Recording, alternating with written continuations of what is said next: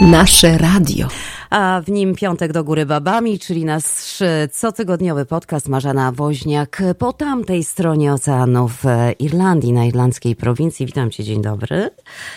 E, witam cię Olu, dzień dobry, witam państwa. Po tej stronie niezmiennie Aleksandra Paliga-Kapsa. Zmiany są tylko takie, że obydwie jesteśmy bardzo pociągające z Marzeną. Ja wciąż jeszcze e, walczę z COVID-em, który w końcu mnie dopadł, no ale po tylu latach e, no, e, czas był chyba najwyższy, a Marzena... e, A ja zawinęłam do zatoki. A ty zawinęłaś do zatoki.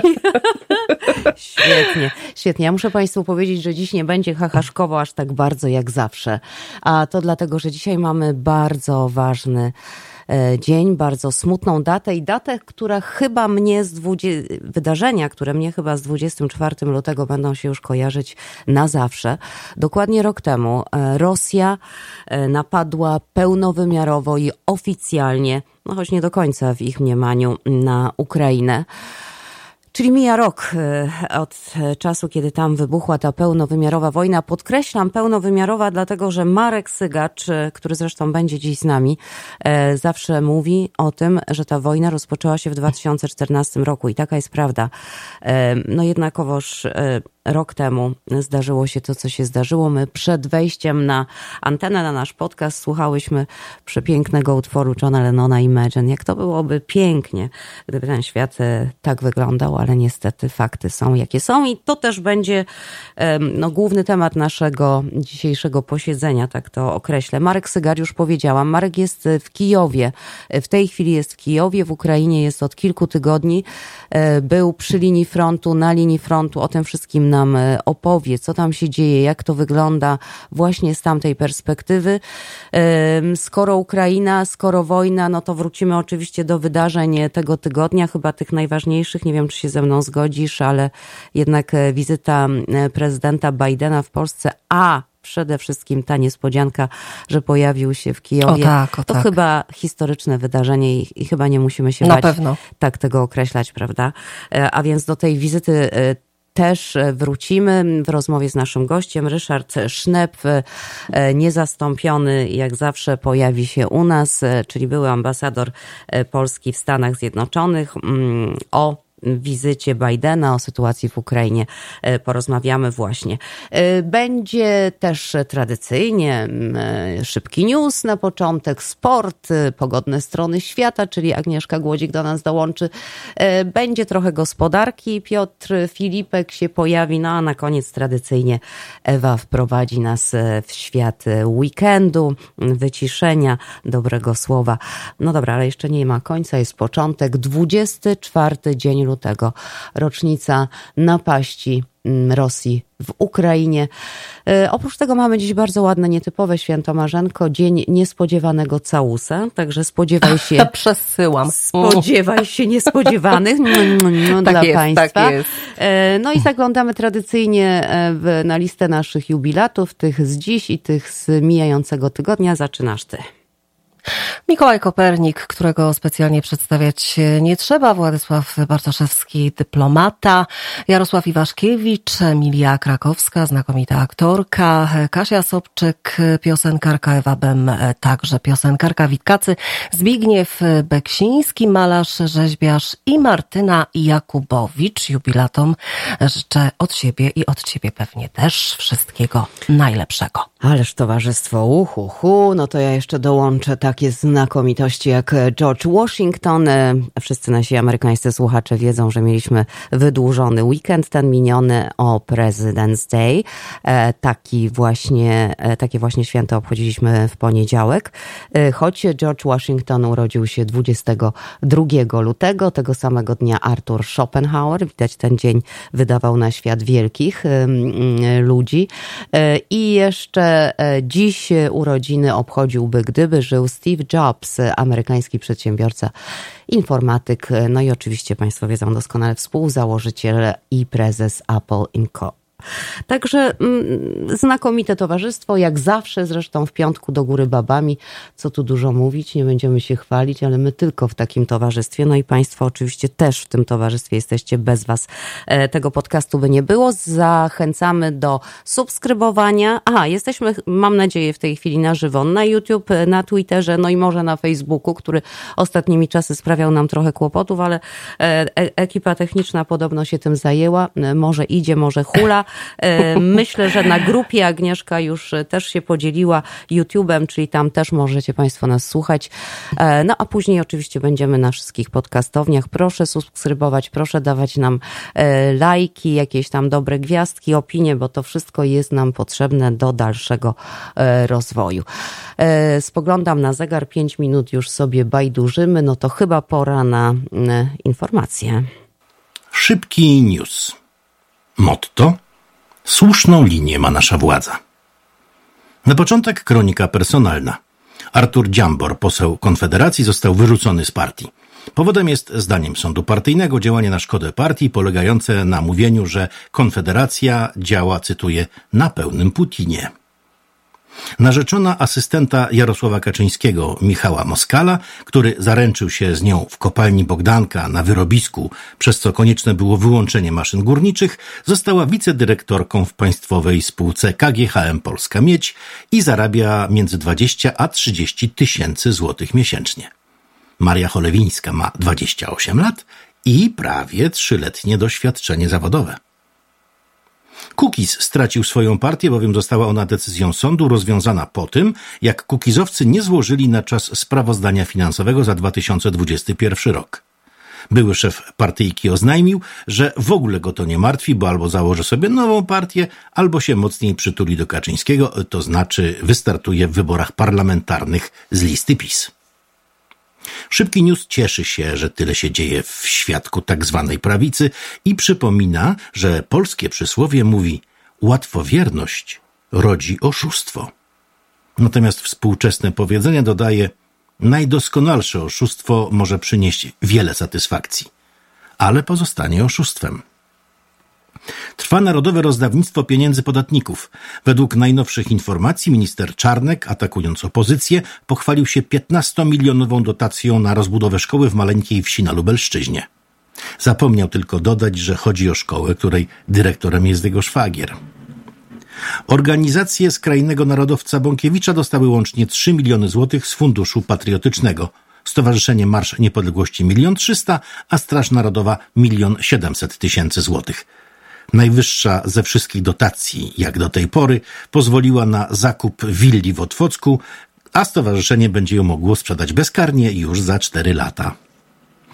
16 organizacji, które otrzymały dotacje z programu Villa Plus, zgłosiło się po kolejne rządowe wsparcie, tym razem od Narodowego Instytutu Wolności, który nie ujawnił wysokości wnioskowanych kwot, mimo że robił to w poprzednich latach. Szybki news wyciągnął na tę okoliczność stare polskie przysłowie – gdy zły siędzie na urzędzie, pewnie złodziej z niego będzie. Zaś współczesne powiedzenie konkluduje, złodziej, choćbyś dał mu milion, kraść nie przestanie. Kolejna perełka pisowskiego ustawodawstwa. Według przepisów ustawy o systemie identyfikacji i rejestracji zwierząt wprowadzonej w listopadzie 2022 roku, każdy właściciel drobiu musi zarejestrować fakt posiadania ptactwa w Agencji Restrukturyzacji i Modernizacji Rolnictwa. Tak zwany zakład drobiu zaczyna się już od jednej sztuki. Mamy zatem w Polsce miliony farm drobiowych posiadających jedną sztukę kurek lub jednego indyka. Szybki news odnalazł właściwe przysłowie w księdze starych polskich porzekadeł. Komu Bóg rozumu nie da, kowal mu go nie ukuje. Zaś Albert Einstein dodaje, tylko dwie rzeczy są nieskończone. Wszechświat oraz ludzka głupota, mm, choć nie jestem pewien co do tej pierwszej. Stowarzyszenie Ordo Juris, o którym nie wolno mówić, że jest sponsorowane przez Kreml, przedstawiło nowy odleciany projekt. Objęcie klauzulą sumienia farmaceutów, którzy mogliby odmówić wydania przepisanego przez lekarza leku z powodów światopoglądowych. Prezes Ordo Juris Jerzy Kwaśniewski w rozmowie z Polskim Radiem stwierdził, że należy wprowadzić ustalenia branżowe lub zmiany w kodeksie pracy, aby zabezpieczyć możliwość swobodnego korzystania z klauzuli sumienia. Szybkiemu newsowi sumienie nie przeszkodziło w przypomnieniu polskiego przysłowia kogo Pan Bóg chce zgubić, temu najpierw rozum odbiera, któremu sekunduje angielski aforyzm bezczynny mózg jest warsztatem diabła. Nagroda Bonmot Tygodnie wędruje tym razem do samego Jarosława Kaczyńskiego, który recenzując wystąpienie prezydenta Joe Bidena w Warszawie stwierdził, nic nie powiedział. Oprócz nagrody, szybki news dedykuje autorowi tych słów wiekopomny cytat z Marka Twena. Lepiej jest nie odzywać się wcale i wydać się głupim, niż odezwać się i rozwiać wszelkie wątpliwości. Do usłyszenia, mam nadzieję, wkrótce. O, ja tutaj na koniec się nie zgodzę z kolegą Przemysławem, jeśli pozwolisz. Tak swoją drogą nie wiadomo do czego ręce włożyć, tyle tego newsa.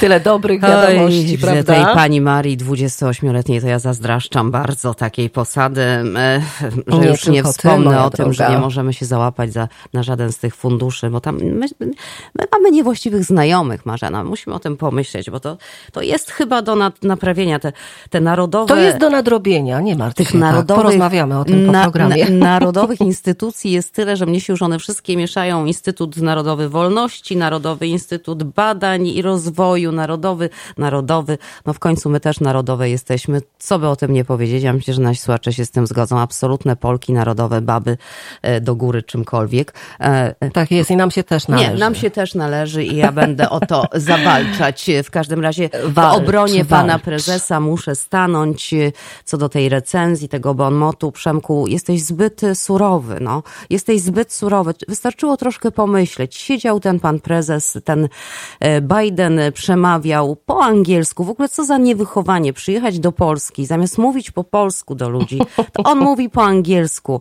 I połowa tych ludzi, a w tym na czele pan prezes, w ogóle nie rozumieją, o czym on mówi. No to, no to potem go pytają, o czym on mówił. No to co on miał biedny powiedzieć? No o niczym mówił mówił, no bo przecież on nie tak, zrozumiał. Nic nie powiedział, o, tak jest. O, o, czym, o czym on mówił. Może ktoś mu tam podpowiadał, ale też pewnie to był jakiś e, wyjątkowy poliglota, pewnie tam w dwóch słowach streścił, więc e, biedny prezes cóż miał e, zrobić. Ale ja wiem, że też masz jakiś komentarz tutaj do tego naszego newsa. A jakże, a jakże, a ja do, tych, do tego ogródka dorzucę jeszcze swój kamyczek, a nazywa się ten kamyczek Janusz Kowalski. Proszę Państwa, ostatnio zastanawiałam się, kto przelicytuje przelicytuje, tak, kto przelicytuje Janusza Kowalskiego w sprawie wiatraków. E, I wiecie Państwo co? Okazuje się, że nie kto inny jak on sam. I zrobił to, muszę przyznać, brawurowo. Dość powiedzieć, że mm, pan Janusz Kowalski nie ma szczęścia w myśleniu, niestety. Otóż jego zdaniem wiatraki destabilizują system elektromagnetyczny. Są nieefektywne, mhm, niestabilne i nie sterowalne są zagrożeniem dla bezpieczeństwa energetycznego Rzeczypospolitej. Mhm. Pan minister, jak widać, dalej na froncie walki z wiatrakami, ale też ostatnio, nie wiem czy wiesz i nie wiem czy Państwo słyszeliście, że bardzo ochoczo zabrał się za e, obronę polskiego mm, kotleta, kotleta proszę mhm. Państwa, mhm. tak, przed mhm. tym talerzem owadów, które już wkrótce mają wyjechać na polski stół. E, I moja droga, właśnie ty zdaje się, że masz jakąś historię z tym Jezus, związaną, ciekawą. czego ja się podzielisz. się dowiedziałam, drodzy Państwo, lecąc do Polski. Pozdrawiam moją współpasażerkę, niezwykle miła osoba, podróżniczka, która ostrzegła mnie na całe szczęście. Ja zwykle jak do Polski latam, nie wiem jak wy, ale nie mogę się najeść polskim chlebem, bo choć niby tutaj mamy ten polski, no to on taki nie do końca polski jest, więc jak lecę, to idę do swojego ulubionego piekarza i potem jem jak małpa kit ten chleb, e, kotletów niekoniecznie, chociaż jak się trafi to też, ale wracając do tego chleba, no i otóż dowiedziałam się, że nie wolno mi jeść tego chleba tym razem. I moja współpasażerka absolutnie teraz zabiera się za własne wypieki w Polsce będąc, ponieważ e, ten chleb to już nie będzie ten chleb, to będą zmielone świerszcze. Ja nie jestem świerszczojadna, e, więc można tak powiedzieć? Nie wiem, czy wygłupiam się. E, w każdym razie zastosowałam się, chleba nie piekłam, więc żyłam bez chleba przez tydzień, no i potem dopadł mnie COVID, więc proszę sobie nie żałować polskiego chleba Podobno jeszcze świerszczy w nim nie mielą, aczkolwiek któż to wie. Ale wiesz co, skoro jednak wspomniałaś pana posła Janusza Kowalskiego, za co ci niezmiernie dziękuję, bo ja, ja po prostu, Proszę jak bardzo. ja pana posła nie widzę, nie słyszę, przynajmniej nawet nie, nie słyszę cytatów z niego wziętych, to ja tak się czuję, jakbym miała dzień stracony, a ja, e, jak coś To obie- nie miej, nie miej, jak nie ja miej coś- straconego dnia. Mam jeszcze jeden w zanadrzu No. i zaraz się nim podzielę, No to jeśli dziel się, pozwolisz. bo ja też się Szybko będę lecimy z tym dzielić. koksem. No. Żarty się skończyły. Wrogiem numer jeden dla polskiego rolnictwa jest dziś lewacki ideologiczny ekstremizm autokratów, który w imię finansowych interesów Niemiec ukrywanych pod płaszczykiem absurdalnych celów klimatycznych chce zakazać prowadzenia w Polsce tradycyjnej działalności rolniczej. O, masz. Ideologiczny był, O, był. masz. Ekstremizm był, był. Autokraci, autokraci, eurokraci byli. Jak byli. to dobrze, Czyli że- wszystkie słowa klucze w jednym tym jakże ważnym Słuchaj, jak to zdaniu. dobrze, że ktoś czuwa nad tym wszystkim. A propos, chciałam ci też powiedzieć jeszcze w odniesieniu do e, naszego newsa, abyś uważała, a nie, ty mieszkasz w Irlandii, no bo wiesz, ty tam dokarmiasz te bażanty i kuropatwy, nie wiem, czy nie powinnaś zgłosić e, fermy. E, Co prawda to dzikie ptactwo, no ale jednak jak je dokarmiasz, to ono jest jakby tak w pół dzikie, pół oswojone, ale dopóki u was w Irlandii nie wprowadzą takich przepisów jak w Polsce, to możesz się chyba czuć bezpiecznie. Wracając do Kowalskiego. Zdecydowanie tak. Zdecydowanie do tak. Kowalskiego, ja, proszę Państwa, u mnie słowo święte jest. Obiecałam Państwu, że Janusza Kowalskiego przynajmniej raz w naszym programie będziemy wysłuchiwać co tydzień. No to masz. Szanowna Pani Marszałek, czemu się drzecie opozycją? Panie Borysie Budko w Rajtuskach. Wy mówiliście o złodziejstwie tutaj? Wy, którzy pozwalaliście okradać Polaków mafiami VAT-owskimi, mafiami lekowymi, dzisiaj głosujecie przeciwko LZS-om, dzisiaj jesteście przeciwko Polakom, którzy walczą o wolność i suwerenność. Nie podoba Wam się minister Czarnek, nie podoba Wam się minister Ziobro. My jesteśmy dumni z naszych ministrów. Szanowni Panowie, pokażmy teraz, wstańmy jak jesteśmy dumni z naszych ministrów. A Wy? Brawo! Brawo minister Czarnek! Brawo minister Czarnek! Wstajemy! Brawo! Nigdy nie dojdziecie do władzy! Krzyczcie sobie! Brawo! Rozliczymy was! Rozliczymy Trzaskowskiego! I co się Nitra śmiejesz? Śmiej się! Brawo! Brawo! Brawo, brawo! Brawo, Brawo, brawo! No, teraz e, Chcesz, uważam... żebym się tu zapłakała ze śmiechu wyraźnie? Nie, w tej chwili uważam, że e, dopełniło się to, co się miało dopełnić e, i chyba możemy pójść dalej, skoro już pojawił się e, poseł Kowalski, a swoją drogą a propos tego rozliczymy was, też był wczoraj bardzo fajny cytat e, z kolei z drugiej strony sceny politycznej a propos Willi Plus, prawda? Jak to było? Jak to powiedział pan e, premier były Tusk? E, E, tak, że, że teraz będzie program Cela Plus, jeśli oczywiście opozycja wygra te wybory. Mnie ciekawi natomiast, czy PiS podejmie te rękawice i rzuci hasło niech połączą nas wspólne cele? Yes. Hmm, co myślisz? Yes, yes, powiedział kiedyś były premier Marciniak. Dobra, przechodzimy do sportu, bo wiem, że wszyscy fani sportów.pl, no i tatka palucha już na ten punkt programu czekają. Sport w PL. Witam Panie i witam Państwa. Na początek tradycyjnie Hot Sport News. Iga Świątek znalazła się w gronie sześciu sportsmenek nominowanych do nagrody sportsmenki roku Laureus Awards Sports Awards. Jej zeszłoroczne dokonania sportowe zostały docenione przez panel 100 dziennikarzy z całego świata. Nominacje otrzymały również m.in. utytułowana narciarka alpejska Mikaela Schifrin czy pływaczka Katie Ledecki. Nagrody Laureusa nazywane są również Oscarami sportu. Przyznawane są od 2000 roku. Fundacja, której pomysłodawcą był Nelson Mandela, co roku wyróżnia sportowców za indywidualne lub zespołowe osiągnięcia. Oprócz sportowca i sportsmenki roku, głosujący nominują sportowców w innych kategoriach takich jak drużyna roku, powrót roku czy niespodzianka roku. Laureaci zostają wytypowani przez dziennikarzy z 68 krajów. Zwycięzca zostaje ogłoszony podczas uroczystej gali w kwietniu. Wielki sukces polskich zawodników w Mistrzostwach Świata Seniorów w Bakuriani. Oskar Kwiatkowski i Aleksandra Król wywalczyli dla naszego kraju pierwsze w historii medale seniorskiego czempionatu w snowboardzie alpejskim. Kwiatkowski w pięknym stylu sięgnął po tytuł Mistrza Świata w slalomie gigancie równoległym, natomiast król w rywalizacji kobiet zdobyła brąz. Sukcesy w gruzińskim Bakurianin potwierdziły dobrą formę, którą oboje prezentują od początku zimy. Kwiatkowski już dwa razy w tym sezonie wygrywał zawody Pucharu Świata. W slalomie gigancie równoległym ostatnio triumfował w kanadyjskim Blue Mountain na trzy tygodnie przed rozpoczęciem Mistrzostw Świata i został liderem klasyfikacji generalnej. W tamtych zawodach niewiele do podium zabrakło król, która była czwarta i tę samą pozycję zajmuje w klasyfikacji generalnej slalomu giganta równoległego.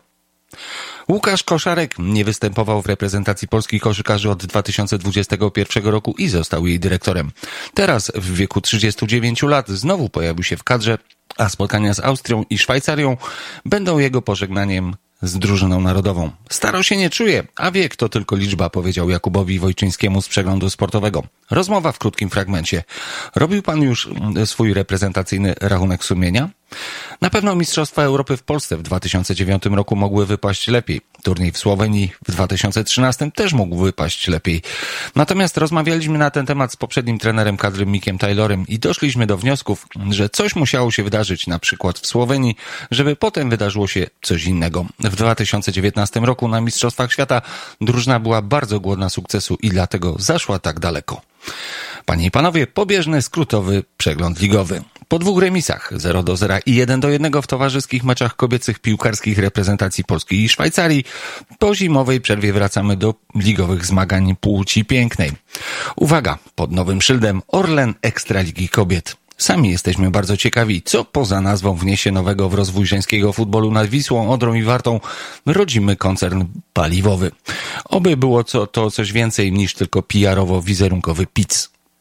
Po jesiennej części sezonu na czele tabeli katowicki GKS z dwupunktową przewagą nad Górnikiem Łęczna. Trzy oczka tracą do liderek broniące tytułu mistrzowskiego Łodzianki z UKS SMS. W środku stawki znikłymi szansami na medale uznane marki z Sosnowca i e, Konina. Na szarym końcu to już taka niepisana tradycja od lat zespoły Beniaminków. Tabele zamykają Pogoń Trzew i Hydrotrak Radom. Na koniec oczywiście notki, plotki, anegdotki. Żona Roberta Lewandowskiego odtrąbiła sukces. Zgromadziła 5 milionów obserwujących na Instagramie, co jest imponującym wynikiem. Z tej okazji Anna zamieściła okolicznościowy wpis i opublikowała poruszające wideo, w którym prześledzono jej życiowe losy. Są urywki z treningów karate, z Camp by Ann, ale także te bardziej prywatne, z mężem i córkami. Udokumentowano ciążę trenerki, chwilę po narodzinach Klary i Laury oraz przeprowadzkę z Monachium do Barcelony.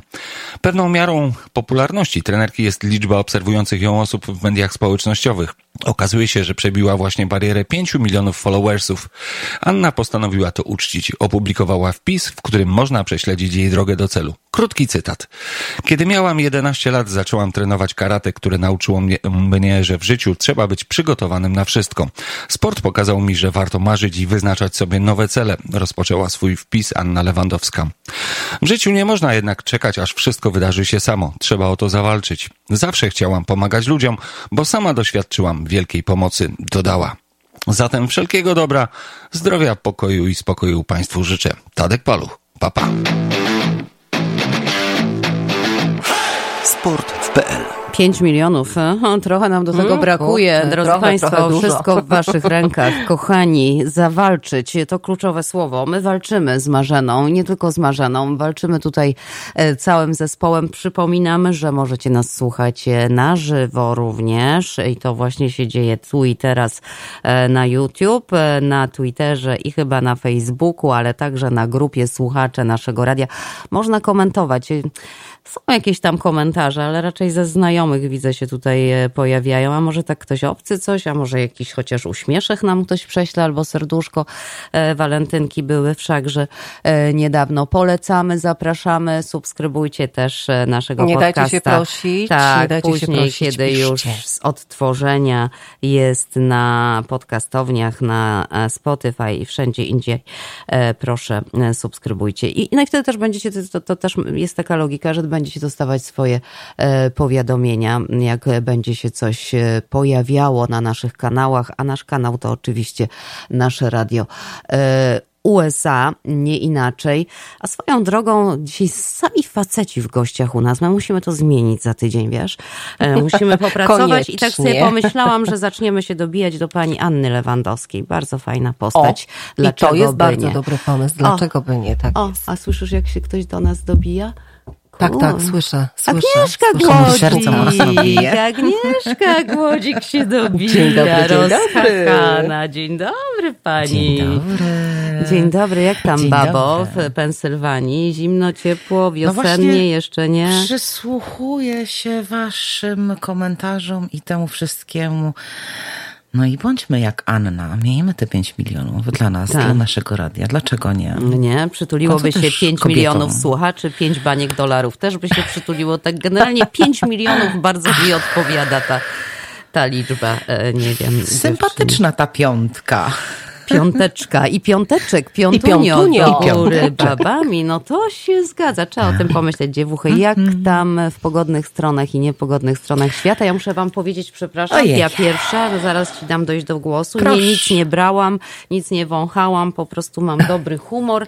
U nas za tak. oknem na Long Island słoneczny, piękny poranek, trochę chłodno, ale słuchajcie, ptaszyska już tak czekają na wiosnę, już tak ćwiergotają o poranku, że to jest aż niewiarygodne, mhm. że nie wspomnę o e, wszystkich e, tulipanach, żonkilach, e, przebiśniegach, krokusach, które bardzo już są wysoko, jeszcze kwiatów nie ma, ale myślę, że lada chwila się pojawią. Hmm? Agnieszko? Tak myślę. A jak będzie? Hmm, no cóż, ja zacznę od siebie, czyli od rejonu Gór Pokono, gdzie zima nas wita o 6 rano, wiosna około 11 przed południem, lato o 14.30, a jesień o 17. Hmm, taki mamy klimat. A teraz już poważniejszym tonem. Gwałtowne śnieżyce nawiedziły Stany Zjednoczone od północnego zachodu po północny wschód. Od środy 75 milionów ludzi w 28 stanach zostało objętych alertami pogodowymi. Zawieje śnieżne zamiecie, oblodzenia, porwisty wiatr od północnych partii hrabstwa Los Angeles po stan Maine na wschodnim wybrzeżu. Ale okazuje się, iż swoje i właściwie spore 25 centymetrów śniegu dostało się też w górach północno-wschodniej Arizonie. Zatem czyżby zima na całego? No może nie do końca. Natomiast i tutaj nie koniec problemu z gwałtowną aurą na zachodnim wybrzeżu USA, gdyż między innymi w Los Angeles spodziewane są w najbliższy weekend, czyli już od dziś opady deszczu, a te sięgać będą pięciu cali. Więc gdzie po słońce. Nie zabraknie go w weekend na południu wschodniego wybrzeża, czyli słoneczna Floryda. Ach, Miami, gdzie temperatury przez cały tydzień będą powyżej 28 stopni Celsjusza. No i przeskok, przeskok i to spory, bo jeszcze bardziej na południe Ameryka Południowa, a dokładnie Brazylia. Niestety liczba ofiar śmiertelnych powodzi i osuwisk w okolicach São Paulo wzrosła do 49. Nadal trwają poszukiwania osób zaginionych. Wedle meteorologów w ciągu najbliższych dni spodziewane są kolejne ulewne opady deszczu. Ostatnia zanotowana suma opadów w nadmorskich miastach tegoż właśnie regionu w Brazylii wyniosła ponad 600 litrów wody na metr kwadratowy, co jest najwyższą skumulowaną ilością deszczu w historii pomiarów w całej Brazylii. No i kolejny skok na bank. Nie żartuję, nie będę skakać na bank. Przeskoczę do Europy, na stary kontynent, a dokładnie do Polski, gdzie noc w Warszawie zapowiada się pochmurna, z możliwością opadów deszczu, w sobotę możliwe opady śniegu, a początek tygodnia w stolicy Polski słoneczny, pogodny, około czwartku jakieś tam niewielkie e, zachmurzenia. Jak wygląda Zakopane? Otóż nadal mroźne i nadal z opadami śniegu. I tak będzie w niedzielę i może troszeczkę w poniedziałek.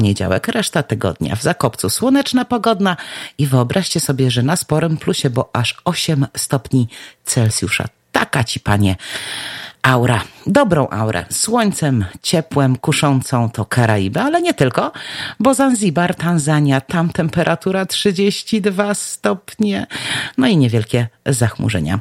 W poszukiwaniu wiosny można udać się do Irlandii, tak, tak, dobrze słyszycie, do Irlandii, do Dublina, gdzie od jutra niewielkie zachmurzenia, czyli więcej słońca, jedyna szansa na opady to środek tygodnia i to takie niewielkie.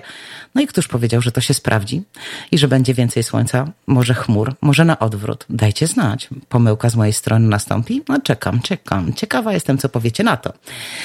Czekam i nadal na śnieg na wschodnim wybrzeżu doczekać się nie mogę w moim regionie, a jak się pojawi, to i zaraz zniknie. Meteorolodzy twierdzą, iż opady nastąpią w przyszłym tygodniu na wschodnim wybrzeżu. Cóż nas czeka? Trochę słońca, trochę mrozu, trochę deszczu ze śniegiem, później znowu na plusie, później deszcz, później temperatura. Już w końcu nie wiadomo jaka, więc tęsknię coraz bardziej za latem stabilizacją w pogodzie na wschodnim wybrzeżu. A tej nie ma? Nie było. No i nie mówię, że nie będzie. Ale jest czyste wariactwo. Jednego dnia 50 na plusie, czyli fajnie, Fahrenheitowym plusie. A później za kilka godzin 18, czyli to już spory minus. No cóż ja wam tłumaczyć będę. Z plusa w minusa w ciągu paru godzin to raczej zdrowe dla mnie. Dla meteopatki nie jest, więc pędzę, lecę. Już dziś lecę na słoneczną Florydę. Wygrzecie w słońcu, zanurzyć stópki w piasku. Was zabiorę chętnie ze sobą. Tym, co nie mogą lecieć ze mną, powiem tak, nieważne jaka pogoda za oknem. Najważniejsza pogoda ducha. Więc cóż, Olu, która pakuje plecak i leci ze mną? Ty, ale tyś też namieszała tak, jak ta pogoda miesza. Z Florydy. Tak jak na świecie. Zanzibar, za chwilę do Zakopane. zimnego. Agnieszka idealnie się wstrzeliła w to, co Tak. dzieje się w pogodzie u nas. Rzeczywiście jednego dnia jest tak, ha, wiosna przyszła, a za chwilę ubieramy korzusiska e, z powrotem i, i Agnieszko, jesteś niemożliwa. Ja oczywiście wybieram te wszystkie ciepłe strony, jak mnie znasz.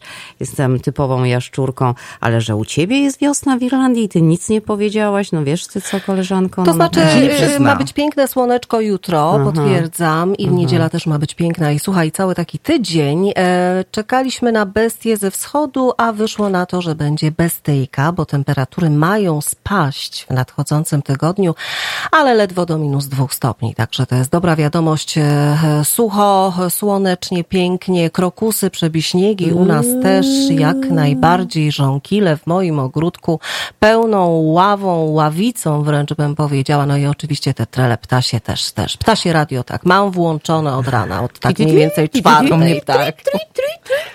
Tak, tak, tak. E, Piękne to jest kochani, piękne. Cieszcie się, bo u mnie ptasie trele za oknem jakoś cicho. Ty jeszcze sobie poczekasz trochę. wieje. Ty musisz No poczekać właśnie. jeszcze w tej No swojej właśnie. tam e, górzystej Pensylwanii. E, drodzy Nie słuchacze, martw się, Aga, wszystko w swoim czasie. drodzy słuchacze, Ach, tak. teraz zwracam się do naszych słuchaczy. Czy panie mogą się na chwilę uspokoić, bo jak nie, to wyłączę mikrofon.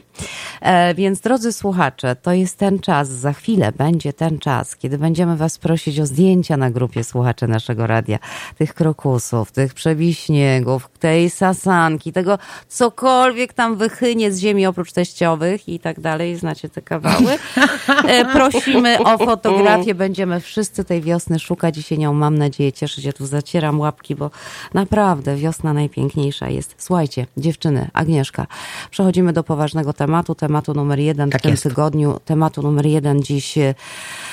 E, domyślam się, że ty podobnie jak ja pamiętasz ten dzień sprzed roku. Pamiętasz, kiedy obudziłyśmy się, się. a w Ukrainie już e, była pełnowymiarowa inwazja na na, chciałam brzydkiego słowa użyć, ale może tak, ostrzeliwali stolice, ostrzeliwali wiele miejsc Rosjanie. Mm, Nie wiedziałyśmy w co ręce włożyć, chciało nam się płakać, e, a tutaj trzeba O, tak. było przygotowywać dla Państwa newsy To i prawda. w takim amoku byłyśmy mniej więcej przez tydzień, jak nie dwa, e, nie śpiąc, kontrolując, sprawdzając, licząc na to, że e, a nuż następnego poranka ukaże się ten oczekiwany nekrolog, ale nie ukazał się do dziś.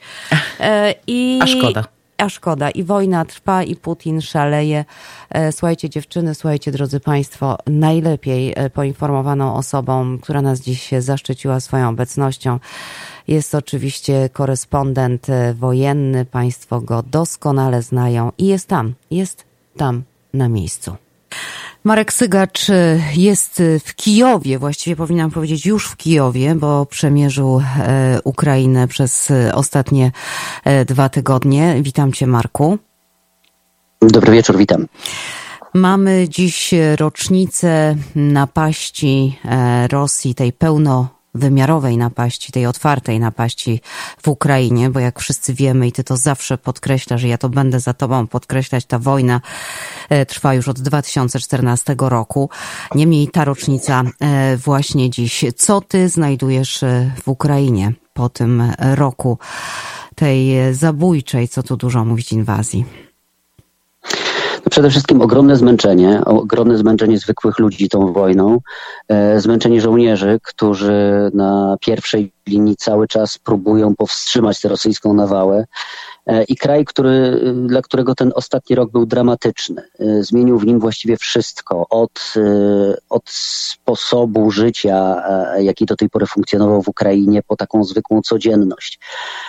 Ja teraz jestem w Kijowie i muszę powiedzieć, że przeżyłem taki, trudno powiedzieć, że szok, ale takie zaskoczenie, bo przyjechałem do Kijowa wieczorem i proszę sobie wyobrazić, że świeciły się latarnie uliczne, co dla mnie w ciągu ostatniego, ostatnich paru tygodni było zupełnie, e, co, co było zaskoczeniem, ponieważ w innych miastach, e, takich jak Charków, jak Kramatorsk, w którym byłem Słowiańsk, czy innych miejscowościach panuje po zmroku totalne zaciemnienie. Tam miasto w zasadzie gaśnie z momentem zachodu słońca i nie pali się żadne światło poza nielicznymi światłami w oknach, a i te są przesłaniane, ponieważ obowiązuje zaciemnienie. Więc jest to obraz absolutnie przerażający, y, przygnębiający, smutny. Y, I, no i najgorsze jest chyba w tym wszystkim to, że nikt nie jest w stanie powiedzieć, kiedy i jak się to skończy. Y, Ukraina, Ukraina dzieli się na kilka części. To jest ta część bezpośrednio przyfrontowa, gdzie słychać pociski, gdzie spadają pociski, gdzie giną ludzie. Miasta położone nieco dalej, które są w pewnym sensie zapleczem dla armii, które też funkcjonują w cieniu linii frontu. No i pozostałe miasta, takie jak Kijów, jak e, Winnica, jak e, Iwano-Frankiwsk, e, to są, to są miasta, które są oddalone, są oczywiście dotknięte wojną, ale nie odczuwają tej wojny tak bezpośrednio, chociaż Kijów oczywiście jest celem dla Rosji, bo zawsze był no ale celem coraz trudniej osiągalnym, w zasadzie już teraz można powiedzieć, że poza militarnym, e, poza militarnym zasięgiem. Więc e, to, rzeczywiście ten 24 lutego jest datą symboliczną, ale e, jest datą symboliczną chyba bardziej dla Ukraińców niż e, dla Rosjan. Mm, bo, no, no bo co, co Rosjanie tak naprawdę mogą tutaj e, świętować, obchodzić? No, mogą obchodzić rocznicę mm, największej militarnej porażki od, e, od początku wieku, no tak to należy nazwać, bo militarnie ta operacja, niezależnie od tego, jakie szkody e, wyrządziła Ukrainie i Europie, militarnie dla Rosji jest porażką. Natomiast no, Ukraińcy są o wiele lepiej przygotowani, więc y, mimo, że tak naprawdę nie wiadomo, jak Rosja y, zareaguje na, ten, na, na, na tę datę, czy zostaną odpalone rakiety w jakiejś szczególnej liczbie w stronę ukraińskich miast, co na razie nie nastąpiło, no to trzeba mieć świadomość tego, że, e, że Ukraina jest po prostu na to przygotowana dużo, dużo lepiej niż była rok temu. I e, Ukraińcy sami o tym mówili, że niezależnie od tego, co się wydarzy w ciągu tych dni rocznicowych, to Ukraina jest do tego e, przygotowana i nie będzie to żadnym zaskoczeniem. Mhm. Nie będzie w każdym razie takim zaskoczeniem, jak to było rok temu. O to na pewno. A powiedz, widzisz tam e, to, to co, o czym my mówimy ciągle, co my, o czym my ciągle słyszymy, te kolejne dostawy e, sprzętu z zachodu. Czy to jest widoczne? Czy, czy, czy żołnierze, czy ci, którzy bronią Ukrainy, mogą powiedzieć tak, rzeczywiście to nam, e, to nam pomaga? E, e, Trudno jest odpowiedzieć na to pytanie, bo tu trzeba sobie zdać sprawę z, z kilku rzeczy. Po pierwsze, dlatego, że front y, to jest 2,5 tysiąca kilometrów. 2,5 tysiąca kilometrów linii frontu. Więc, y, żeby cały ten front nasycić nowoczesnym sprzętem zachodnim, no to nie wiem ile setek tysięcy jednostek takiego sprzętu musiałoby e, ruszyć do walki. Więc siłą rzeczy on jest rozproszony i rozdzielony pomiędzy te najbardziej e, newralgiczne odcinki. Oczywiście e, ja będąc teraz w okolicach Bachmutu, w okolicach tych, tego odcinka donieckiego frontu, czyli najbardziej w tej chwili najgorętszego, rzeczywiście można zauważyć, że Ukraińcy poruszają się już innymi wozami opancerzonymi piechoty. To już nie są te, mm, te pojazdy, które obserwowały się jeszcze kilka lat temu. Coraz więcej jest tych dostarczanych przez, e, przez Niemcy chociażby. E, widziałem e, poruszające się w okolicach linii frontu, na przykład francuskie Cezary, to są chałbice samobieżne. Słyszałem, no nie widziałem niestety pracujące chałbice amerykańskie amerykańskie M777, te legendarne, działa. Rzeczywiście no, dość, dość skutecznie i dość mocno akcentują swoją obecność na, na linii frontu. Ja, kiedy udało mi się dostać do takiej jednostki artyleryków, e, do 59. Brygady Sił Zbrojnych Ukrainy. No, oni akurat pracowali jeszcze na starym postsowieckim sprzęcie, który miał kilkadziesiąt lat. E, I, no i przyznali, że im też, bo ich na przykład brygada nie dostała tego, te, te, tego nowoczesnego sprzętu, czekają na to, ale wiedzą, że, że jest i na przykład było, no oni sami mówili, kiedy rozlegała się salwa gdzieś w okolicy, mówili, że to strzela właśnie ta amerykańska haubica albo inny sprzęt, więc on jest obecny, on nie defiluje, on nie jest E, on jest po prostu używany na co dzień w takich miejscach, gdzie postronne osoby nie mają dostępu. Zwyczajnie na linię frontu, żeby się dostać, to naprawdę trzeba, e, trzeba być e, dziennikarzem albo wolontariuszem. Z tym, że wolontariusze raczej mają problem, żeby się dostać do, do jednostek bezpośrednio walczących.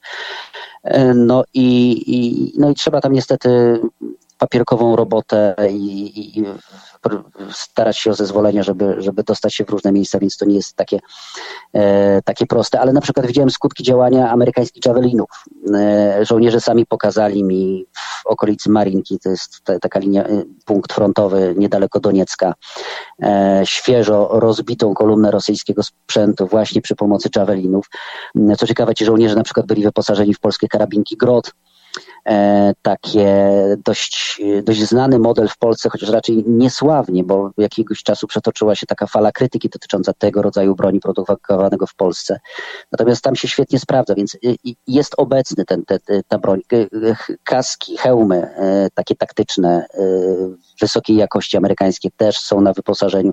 Więc to, już, to jest już zupełnie inna armia i, i, i to widać. Jeżeli się przyjrzeć to albo posłuchać opowieści, to rzeczywiście widać, E, widać tę zachodnią pomoc. No i to już jest zupełnie inny, inny front. No ja przyglądałem się, jak e, działa takie centrum dowodzenia w okolicy linii frontu, które tak naprawdę wygląda jak trochę jak y, centrum kontroli lotów na lotnisku, gdzie są potężne, w zwykłym domu, mm, na który już spadła nie jedna bomba w piwnicy, są rozmieszczone potężne plazmy.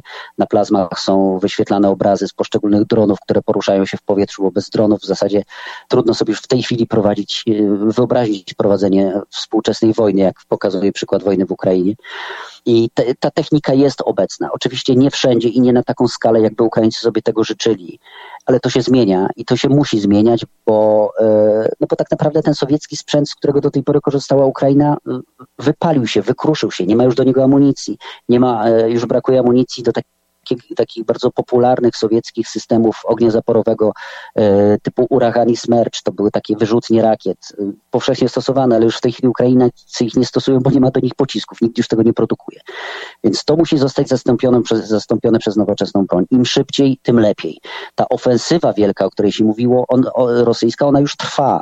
Y, Rosjanie zwiększają napór na linię frontu. Nie są w stanie przeprowadzić takiego ataku, jakbyśmy sobie to wyobrażali, że jeżeli rusza ofensywa, to oni krzyczą ura i przebiegają przez okopy i lecą na Ukraińców. To nie tak wygląda. Mhm. E, to wygląda przede wszystkim w ten sposób, że e, wzmacniane są te, e, te tyły, że przygotowana jest tak zwana siła żywa na zastąpienie ludzi, którzy giną na froncie, a giną, Rosjanie giną masowo. Szturmy są wykonywane po trupach E, następny, następni rosyjscy żołnierze idą po trupach swoich kolegów, którzy poszli przodem.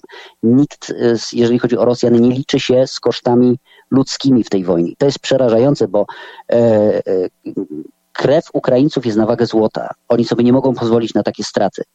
Natomiast dla Rosji nie ma to żadnego znaczenia. Jeżeli coś jest groźnego ze strony Rosji w tej wojnie, to właśnie ten te nieprzebrane, y, y, takie okrutne, bezmyślne e, źródło żywej siły, które, która jest pozyskiwana gdzieś w głębi, w głębi Rosji, które jest rzucane jak mięso armatnie na front. Straszne jest to, co mówisz, naprawdę. Słucham i po prostu mam dreszcze. Mareka, jak rozmawiałeś z żołnierzami, czy z mieszkańcami tych terenów e, takich, e, gdzie najwięcej się dzieje, gdzie te działania wojenne są najbardziej odczuwane, o czym oni marzą? Powiedz, o czym myślą? Czego, czego by sobie życzyli tak najbardziej? To zależy kogo pytać. Oczywiście żołnierze, pyta, pytając żołnierzy, życzyliby sobie, żeby się to wszystko skończyło, ale oczywiście, żeby się to skończyło ze wskazaniem e, na Ukrainę, żeby Rosjanie się wreszcie wycofali. Natomiast e, coraz więcej jest ludzi, którym jest zwyczajnie wszystko jedno. I to jest absolutnie zrozumiałe. bo jeżeli nie ma pracy, nie ma co jeść, nie ma gdzie mieszkać, nie ma prądu, nie ma wody, nie ma ogrzewania, to przychodzi taki moment, e, że, że ludziom jest wszystko jedno. Chcieliby wrócić przynajmniej jakiegoś, jakiegoś bezpieczeństwa. Poza tym mm, w takich przyfrontowych miastach jest jakiś taki absolutny, e, to jest niewiarygodne, bo jeżeli się tam przyjeżdża, to człowiek na początku się kuli i rozgląda dookoła, kiedy tylko padnie strzał albo rozlegnie się głośniejszy wybuch. Natomiast ci ludzie absolutnie do tego przywykli. To jest, y, to, to jest niewiarygodne, że tak naprawdę można się do wszystkiego przyzwyczaić. E, I to jest niesamowite, jakie zdolności adaptacyjne ma człowiek e, w obliczu wojny, zagrożenia, no ale to też ma swój próg, ma swoje granice. I e, jest jeszcze oczywiście ta niechęć, ta ogromna nienawiść do Rosji, której wcześniej nie było. Jeżdżąc na Donbas, to, to było zawsze jakieś takie no, nie, było, nie było widocznej takiej nienawiści, takiej niechęci do, do Rosji, do Kremla, do Władimira Putina. Teraz to, teraz to jest, e, jest widoczne i, no i trudno się dziwić, bo, bo kiedy ci ludzie tra, tracą wszystko i tracą wszystko wskutek e, działań e, narodu, który jeszcze do niedawna uważa, uważał się za braterski naród, naród wobec Ukrainy, no to pewne rzeczy już złudzenie pryska i nie ma, już, nie ma już wątpliwości co do pewnych rzeczy. No i też nie ma chyba odwrotu. Już ta wojna, jeśli się zakończy, to ona się chyba musi zakończyć jak mi się wydaje, no tak przynajmniej mówi cały Zachód, tak mówią przywódcy światowi, zwycięstwem Ukrainy i tym, że Ukraina odzyska swoje tereny. Czy to jest prawdopodobne?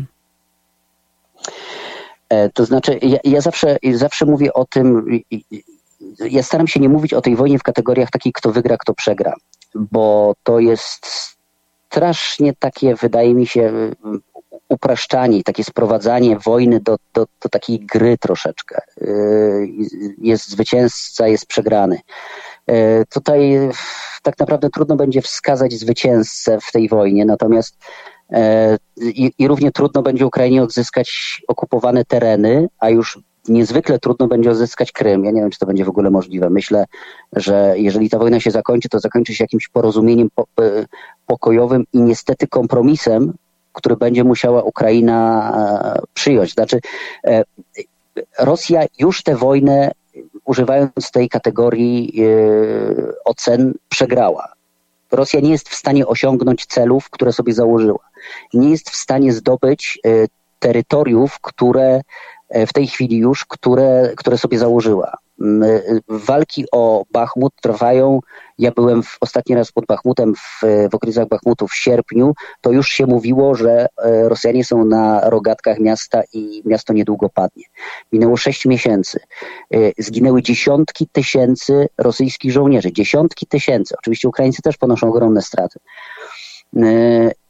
ale te, te, ten koszt uderzenia na Bachmut jest niewyobrażalny, więc tutaj te, jeżeli Bachmut zostanie zajęty, a pewnie będzie zajęty przez Rosjan, bo tam już nie ma czego bronić, to będzie pyrrusowe zwycięstwo. E, I koszt tego mm, zwycięstwa jest absolutnie nieadekwatny do, do zysków.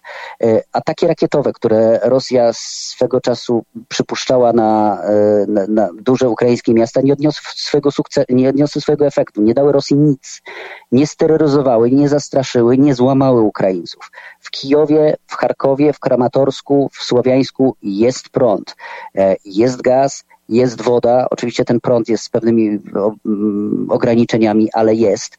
E, I, i, I kończy się zima. To jest też bardzo ważne. Tak naprawdę zima się skończyła. Ukraina zimę przetrwała. Nie udało się Rosji e, wziąć Ukrainy chłodem ani głodem. Więc teraz będzie już tylko trudniej. Mm. No i niech tak będzie. Marek, na koniec jeszcze szybciutko cię tylko zapytam, e, gdzie byłeś, jak prezydent Biden pojawił się nieoczekiwanie w Kijowie i czy tam, gdzie byłeś, o tym słyszeliście?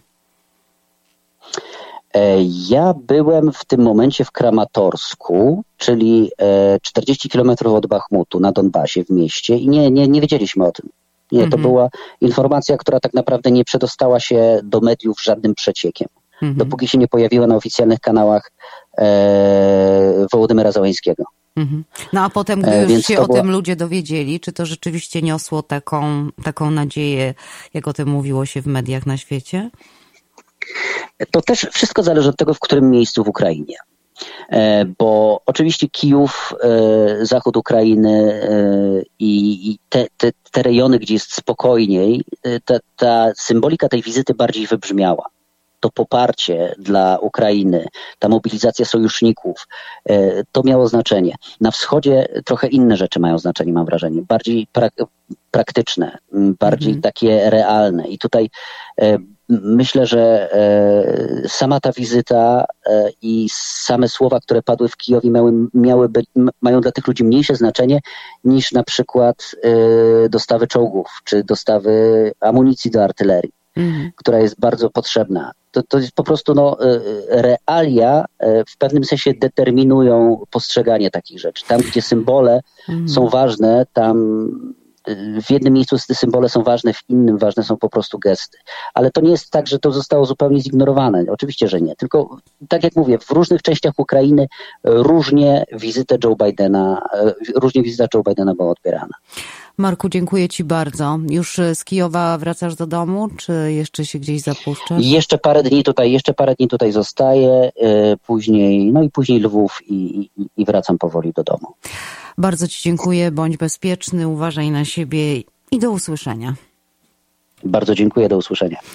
Marek Sygacz, e, tam na miejscu od kilku tygodni, poruszające. Nie wiem jak ty, Marzena, ale ja rozmawiałam z Markiem w, e, i wiesz, i, i, po prostu mnie się to w głowie, chociaż wiemy, że tam tak jest, widzimy te przekazy, przecież obrazy mówią same za siebie i tak dalej, ale jak słucha się takiej relacji z wewnątrz, E, I tak sobie myślę... To brzmi zupełnie inaczej, prawda? tak, i tak sobie myślę, jakiż, jak, jak, jakich szkód dokonał ten, nie wiem, czy chory człowiek, czy chory na władzę, czy, czy chory w ogóle rzeźnik, rzeźnik, rzeźnik zwyrodnialec, słuchaj, który morduje Ukraińców od roku, ale zobacz, on kompletnie nie dba o swoich ludzi, prawda? To, co Marek mówił no o tych rosyjskich żołnierzach, którzy traktowani są jak mięso armatnie i ci kolejni idą po ich trupach e, w kolejnych natarciach, to jest po prostu coś niebywałego. No i potem z punktu takiego, wiesz, socjologicznego, to o czym mówił Marek, ta złość, ta nienawiść do Rosji wśród Ukraińców, której kiedyś nie było, no bo przecież to były, no co tu dużo mówić, no państwa leży sąsiedzi podobnej, nawet ten sam język czasami, prawda? Oprócz ukraińskiego, przecież rosyjski bardzo popularny w tamtej części świata.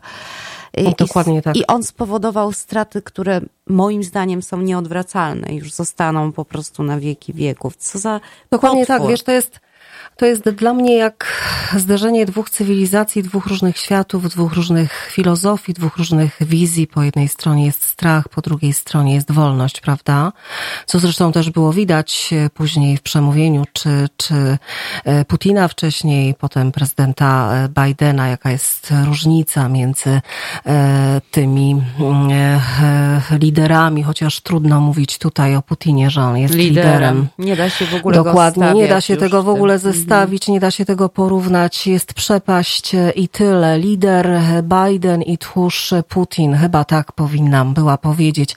Natomiast jeszcze, mm, co zwróciło moją uwagę, to właśnie to, mm, to brzmi e, właściwie w moich uszach do teraz. E, krew Ukraińców jest na wagę złota. To jest mm -hmm. niebywałe. Naprawdę. To mm -hmm. potwierdza tylko to, co przed chwilą powiedziałam, prawda? Mm -hmm. Że to jest zderzenie dwóch różnych e, zupełnie kultur i cywilizacji.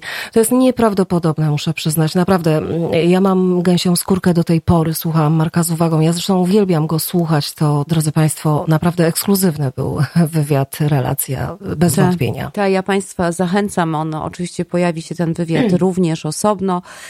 E, w podcastach naszych na Spotify i wszędzie tam, gdzie nas e, słuchać e, można. A ta lista podcastowni może przypomnę Amazon Music, Podchaser, iHeartRadio, Player FM, Google, Apple. Także do wyboru, do koloru. Oczywiście ta, ten program na żywo zostanie na Twitterze, zostanie na YouTubie. Także polecam i tam też osobno pojawiają się, jak Państwo już znają tę naszą specyfikę, rozmowy, takie właśnie ważne relacje Y, y, w każdym razie klucz jest jedny. Wstukujemy e, nasze radio USA i, i wszystko jasne. Polecam. No, po, po, poruszająca niezwykle, niezwykle relacja. Raz jeszcze, Marku, bardzo Ci dziękuję. Mam nadzieję, że Marek bezpiecznie wróci do kraju. Zobacz, jak go ciągnie na pewno, tam, prawda? Na pe- oj tak, oj tak. Ja jeszcze... A zresztą jest już fachowcem, e, jeśli chodzi o tę Tak. tematykę. E, Jego książka Reżim ciszy, którą e, polecam. Ja również Mm. przeczytałam z e, właściwie mm, z uwagą. Nie, nieprawdopodobna książka. Tak. Zresztą warto do niej sięgnąć, bo, bo książka ma taki wymiar historyczny. Tak, i można ja, się jeśli pozwolisz, jak to się zaczęło, prawda? Mhm. E, Dokładnie tak, jeśli pozwolisz. Jedno zdanie jeszcze a propos wizyty prezydenta Bidena w Kijowie, to był absolutnie organizacyjny majstersztyk. E, To e, słabość Rosji została w ten sposób obnażona, a prezydent Biden, no cóż, poniżył, upokorzył Putina, e, przyjeżdżając do, Put- do Kijowa, zagrał mu na nosie, mówiąc kolokwialnie, ale taka prawda. Aha. No i o tej właśnie wizycie w Kijowie i, i o tej wizycie w Polsce i o przemówieniu w Polsce i o różnych ansach, niuansach, jak to zwykle w wypadku naszego gościa, który już teraz mowa będzie. Posłuchajmy wszyscy razem. A z nami jest były ambasador Rzeczpospolitej w Stanach Zjednoczonych, Ryszard Sznep. Witam panie ambasadorze. Kłaniam się pięknie, Pani i wszystkim słuchaczom. Gorący, gorący czas za panem, chyba wciąż jeszcze echa tej wizyty Joe Bidena w Polsce, no i w Ukrainie, co było ogromną niespodzianką. No właśnie, dla pana też ta wizyta w Kijowie była taką niespodzianką jak dla nas wszystkich? Ja myślę, że jeżeli ktoś mówi, że nie był zaskoczony, to po prostu e, nie mówi prawdy. To musiała być niespodzianka dla wszystkich, ale mm, wspaniała rzeczywiście. Prezydent Biden zrobił wrażenie na, na mnie, na Polakach, e, Ukraińcach, na, myślę, że na całym świecie. To był akt odwagi cywilnej też, pokaz e, determinacji takiej no jednoznacznego zupełnie poparcia dla, dla walczącej Ukrainy. Zdecydowanie ja muszę przyznać, że te obrazki, kiedy prezydent spacerował po ulicach Kijowa e, z prezydentem Ukrainy, robiły ogromne wrażenie. I to taki chyba był sygnał tego, że, e, o tym, że to nie Władimir Putin, ale to ja jestem tutaj u siebie i Ukraina może nie w pełni, może nie do końca, ale w pewnym sensie jest częścią Zachodu. Czy pan też miał takie odczucia? Tak, rzeczywiście y, pi- pierwsze wrażenie było takie, że nie będzie y, y, Władimir Putin mówił nam, co mamy robić, kiedy mamy odwiedzać się wzajemnie. Pamiętamy wszyscy, że nie tak dawno prezydent Zeleński był w Waszyngtonie, a więc można powiedzieć, że doszło do rewizyty i to prezydent y, Ukrainy jako gospodarz i prezydent Biden jako gość decydują o tym, kiedy to ma nastąpić. Y, I to jest taka, taki pokaz wolnej woli, której potrzebowaliśmy. Mhm.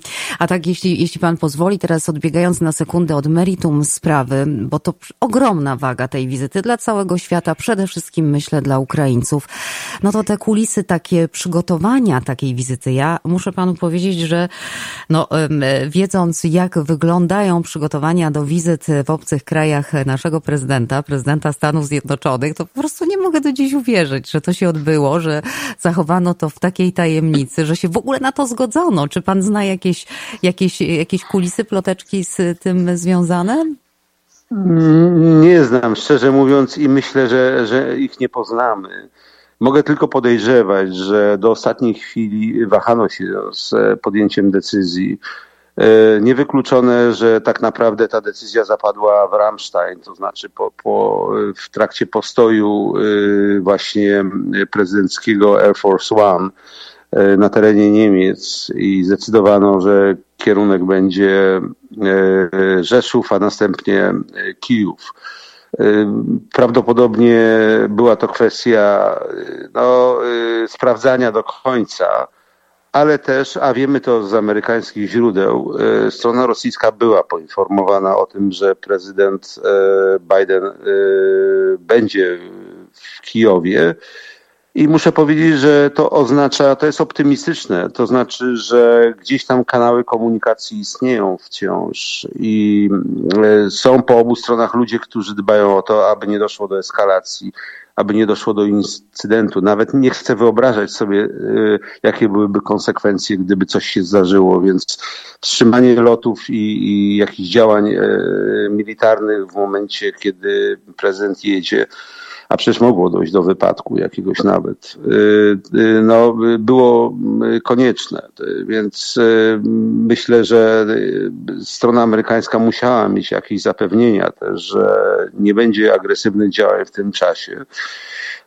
I ta komunikacja zapewne nie była pytaniem o zgodę, ile oświadczeniem takim, że jest planowana i Radzimy Wam, powstrzymajcie się przed, przed jakimiś działaniami, bo to może rodzić konsekwencje, które są niewyobrażalne. Mm -hmm, Pewnie tak.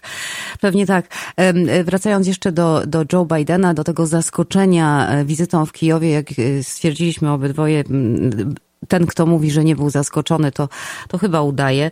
Ale z drugiej strony, e, pan zna prezydenta Bidena. Państwo, pan opowiadał u nas na antenie o tym niejednokrotnie, jak mieliście okazję się spotykać, jak przychodził was e, odwiedzać, jeszcze będąc wiceprezydentem, jak przynosił pluszaki dla dzieciaków, prawda? Rozmawialiśmy o tym, pamiętamy. Tak, oczywiście, pamiętam. No oczywiście. I, i, i przyglądając się tej naturze prezydenta Bidena, no człowieka już, co tu dużo mówić, wiekowego, ale jednak pełnego empatii empatii, pełnego takiej odwagi wewnętrznej, to z drugiej strony ja sobie myślę, że on nie mógł się oprzeć temu, aby właśnie w Kijowie, nie w Lwowie, nie na granicy, nie gdzieś tam, ale w Kijowie postawić swoją stopę i tym sposobem zademonstrować tą jedność i tą siłę Zachodu, prawda? No tak. E, ja myślę, że tutaj mamy do czynienia z e, dwoma sygnałami. I oba są bardzo istotne. Pierwszy to taki, że prezydent amerykański może, że prezydent jest odważnym człowiekiem, e, że rzeczywiście, tak jak e, pani redaktor mówi, ma e, nie tylko odwagę, ale też empatię wobec ludzkiego nieszczęścia. Nie muszę przypominać tej dosyć trudnej ścieżki życiowej prezydenta Bidena, bo większość słuchaczy zapewne pamięta o tym, jakie tragedie przeżył i to nie jedną. I myślę, że jego wrażliwość jest e, spotęgowana e, własnymi przeżyciami. Mm. To jakby pierwsza część. A druga to jest taka wiadomość, która nie jest oficjalna, ale mój instynkt podpowiada mi, że w zasadzie tą wizytą w Kijowie prezydent Biden ogłosił, że będzie kandydował po prostu. Tak, i myślę, że, że, że pomogą mu te ikoniczne zdjęcia, które po tej wizycie pozostaną. E, skoro mówi Pan e, o wyborach, to jeszcze na sekundę, tych wyborach amerykańskich, no, które już, e, co tu dużo mówić, no, niebawem. Rzeczywiście spodziewamy się, że prezydent niebawem ogłosi swoją kandydaturę ponowną. No i na drugą bańkę mamy prezydenta byłego Trumpa, który mówi, Biden prowadzi Stany Zjednoczone do wojny. Mamy kandydata, o którym mówi się, że wśród republikanów E, będzie mocnym kandydatem, czyli DeSantos, który mówi nie wydawajmy pieniędzy e, na Ukrainę. Mm, jak no i mamy jedną kandydatkę już, mm-hmm. o ile tak. pamiętam, Nikki Haley, mm. czyli była ambasador Stanów Zjednoczonych w ONZ. To jest bardzo ciekawa kandydatura i muszę powiedzieć, że y, cała ścieżka życiowa y, pani Haley jest y, imponująca też. Także no, zapowiada się bardzo ciekawie. Ja myślę, że tak, to prezydent w sumie prezydent Donald Trump, były prezydent, jest wymarzonym kandydatem dla, dla prezydenta Bidena. Yy, bo yy, decyzje wyborców dzisiaj, nie tylko w Stanach Zjednoczonych, w wielu krajach europejskich, w tym także w Polsce, są bardzo rozłożone i, i, i te podziały są bardzo głębokie. W związku z tym działa zasada odróżnienia się. Z jednej strony mamy człowieka, który jest walczący, który w jakimś sensie nawet no, udowodnił, że yy, yy, uczynił Amerykę wielką ponownie. I to jest nie Donald Trump, tylko to jest prezydent tak. Biden przecież. Tak. A z drugiej strony mamy człowieka oskarżanego o, o o wiele przestępstw, nie tylko finansowych, ale no, jakieś współdziałanie czy inspiracje wydarzeń na, na Capitol Hill więc to jest akurat, y, myślę, że kandydat dosyć łatwy. Wy, Może wy, być trudniej z tymi tak, młodymi. Dokładnie, dokładnie. Będziemy to obserwować, panie ambasadorze. Ciekawe czasy przed nami tutaj w Ameryce, ale wróćmy do tego, co wydarzyło się w Ukrainie, no i w Polsce. E, prezydent Biden przyjeżdża na peron e, kolejowy w Przemyślu, co już samo w sobie jest też kolejnym zadziwieniem, prawda? No ale taka, takie to tak. były możliwości techniczne, no i potem udaje się do Warszawy. No i w Warszawie przemawia. Jak się domyślam, słuchał pan tego przemówienia i co pan usłyszał? Czy w ogóle pan coś usłyszał? Bo jak pan wie, są tacy, którzy twierdzą, że on nic nie powiedział. Nie będziemy o nich mówić. Tak, rzeczywiście, rzeczywiście. tak byłem tam e, na, w Arkadach Kubickiego, czyli, czyli w ogrodach e, Zamku Królewskiego. I to było e, gigantyczne przedsięwzięcie. Warto podkreślić, że gospodarzem E, tego, tego wydarzenia była ambasada amerykańska, która organizowała e, całość e, przedsięwzięcia. Ono było, ci z Państwa, którzy widzieli migawki lub, lub relacje, widzieli, że właściwie to się odbyło w amerykańskim, zupełnie amerykańskim mm -hmm. stylu. Z girlandami, kolorystyką, muzyką. Powiem tak, że y, y, prezydent Biden y, lubi symbolikę w swoich wystąpieniach i ta symbolika przeważnie dotyczy takich kwestii jak demokracja, prawa człowieka, praworządność. Myślę, że to nie jest przypadek, że wśród naszych polityków są tacy, a zwłaszcza jeden taki, który takich symbolik zupełnie nie rozumie. Kiedy ich nie zrozumiał, to później próbował tłumaczyć, że po prostu może nie dosłyszał. E, e, więc to symbolizuje też e, te różnice które, polityczne, które w Polsce występują.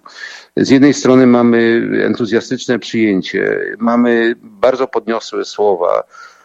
Ci, którzy mówią, że no, liczyli na to, że prezydent Biden tu w Warszawie ogłosi jakiś, nie wiem, pakiet militarny, byli w błędzie i właściwie muszę powiedzieć, że przewidywałem to w innych komentarzach, e, mówiąc, że to nie jest rola prezydenta Stanów Zjednoczonych, żeby mówił, jakie czy ile czołgów ma dostarczyć, mają dostarczyć Stany Zjednoczone. Prezydent będzie mówił o swojej wizji, o, ale przede wszystkim będzie mobilizował społeczeństwa tej e, flanki wschodniej NATO do tego, żeby, żeby wytrwały w tej pomocy, bo to nie jest prosta sprawa po roku, który właśnie mija od napaści na Ukrainę, żeby utrzymać no, y, tak wysoko y, y, ducha przede wszystkim w społeczeństwie, bo bez tego nie może być poparcia rządów. Prezydent pięknie to wyraził. To było żywe, to było dynamiczne. Natomiast nie wszystkim się musiało podobać. Były też inne akcenty, ale domyślam się, że, że pani redaktor jeszcze o to zapyta. Mm-hmm, mm-hmm. Ja chciałabym e, najpierw jeszcze do tego e, pozostać przy tym przemówieniu. Tak, niektórzy narzekają, że nie padły tam konkrety, tak jak pan mówi, zapewnienia o tym czy o tamtym. Ja myślę, że to nie było miejsce i czas na to. Mnie się bardzo to przemówienie podobało i podobały mi się te akcenty położone bardzo mocne na wolność, na demokrację, prawda? Bo to chyba głównie e, w przemówieniu Joe Bidena. Taka jest rola prezydenta Stanów Zjednoczonych, mhm. który jest liderem no, świata zachodniego, a więc nie zagłębia się w szczegóły. Od tego są wysocy urzędnicy, którzy zajmują się e, kolejnymi problemami i rozwiązują w miarę, jak, jak pojawiają się potrzeby. To nie jest rola prezydenta. Panie e, ambasadorze, tam jak zwykle przy, przy, przy okazji takich e, wydarzeń w Polsce musi dochodzić, chociaż trzeba przyznać, że wszyscy jednym głosem i opozycja i rządzący mówili, że oczywiście jeśli chodzi o Ukrainę, pomoc Ukrainie, wolność e, w Europie i tak dalej, jedność, solidarność mówią wszyscy jednym głosem, ale potem tam się pojawiły różne dwu, trzy głosy. Jak to było z tymi spotkaniami z opozycją, z Donaldem Tuskiem, z marszałkiem Grodzkim, czy prezydentem Trzaskowskim, one się odbyły w końcu, czy nie? Bo tam różnie o tym. Oczywiście, oczywi, oczywiście, że się odbyły. Nie, nie wszyscy mieli aparat fotograficzny przy sobie, więc, więc przewodniczący, lider opozycji, czyli Donald Tusk, nie zrobił sobie fotki, jak to się mówi, nie umieścił jej, ale nie musi, dlatego że jest liderem opozycji demokratycznej w Polsce i to jest niepodważalne. Natomiast, natomiast y, trzeba powiedzieć jedną ważną rzecz, że y, Amerykanie, y, no delegacja, prezydent Biden wykazali Y, dość wyraźną wstrzemięźliwość y, w takim popieraniu, pokazywaniu się, towarzyszeniu y, polskim politykom Prawa i Sprawiedliwości. Oczywiście protokół wymagał że tego, że aby było powitanie oficjalne w Pałacu Prezydenckim, no było oczywiście rozmowy formalne, oficjalne, ale już nie było konferencji prasowej e, prezydenta Dudy z prezydentem Bidenem. Mm -hmm. Choć było to, wydawało się, że jest to naturalne. Strona amerykańska, o ile wiem, odmówiła e, e, no, rządzącym takiego gestu.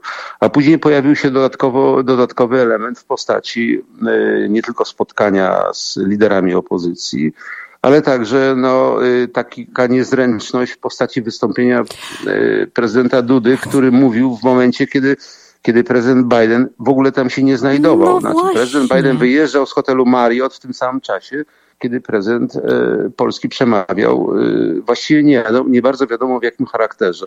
No, no, I no, z no, punktu widzenia protokołu i politycznego punktu widzenia e, to, to była, powiedziałbym, wpadka niepotrzebne. To było, mm, myślę, że ktoś źle poradził po prostu prezydentowi Dudzie, bo skoro miało to być wydarzenie prezydenta Bidena, to jeżeli mogłoby do czegoś dojść, to powinno to być nie support, jak to się nazywa Dokładnie. popularnie, ale no, takie wejście e, polskiego prezydenta, który by przedstawiał prezydenta Bidena kilku słowach. E, ale Gościmy takie... dzisiaj wielką postać, tak. i, ale w obecności oczywiście prezydenta Bidena. No ale takie sytuacje miały w przeszłości przecież miejsce, że ja wspomnę, tutaj akurat mi do głowy przyszedł rok 97, pamiętam prezydent Clinton e, gości w Polsce, prezydent Kwaśniewski go podejmuje, pojawiają się razem.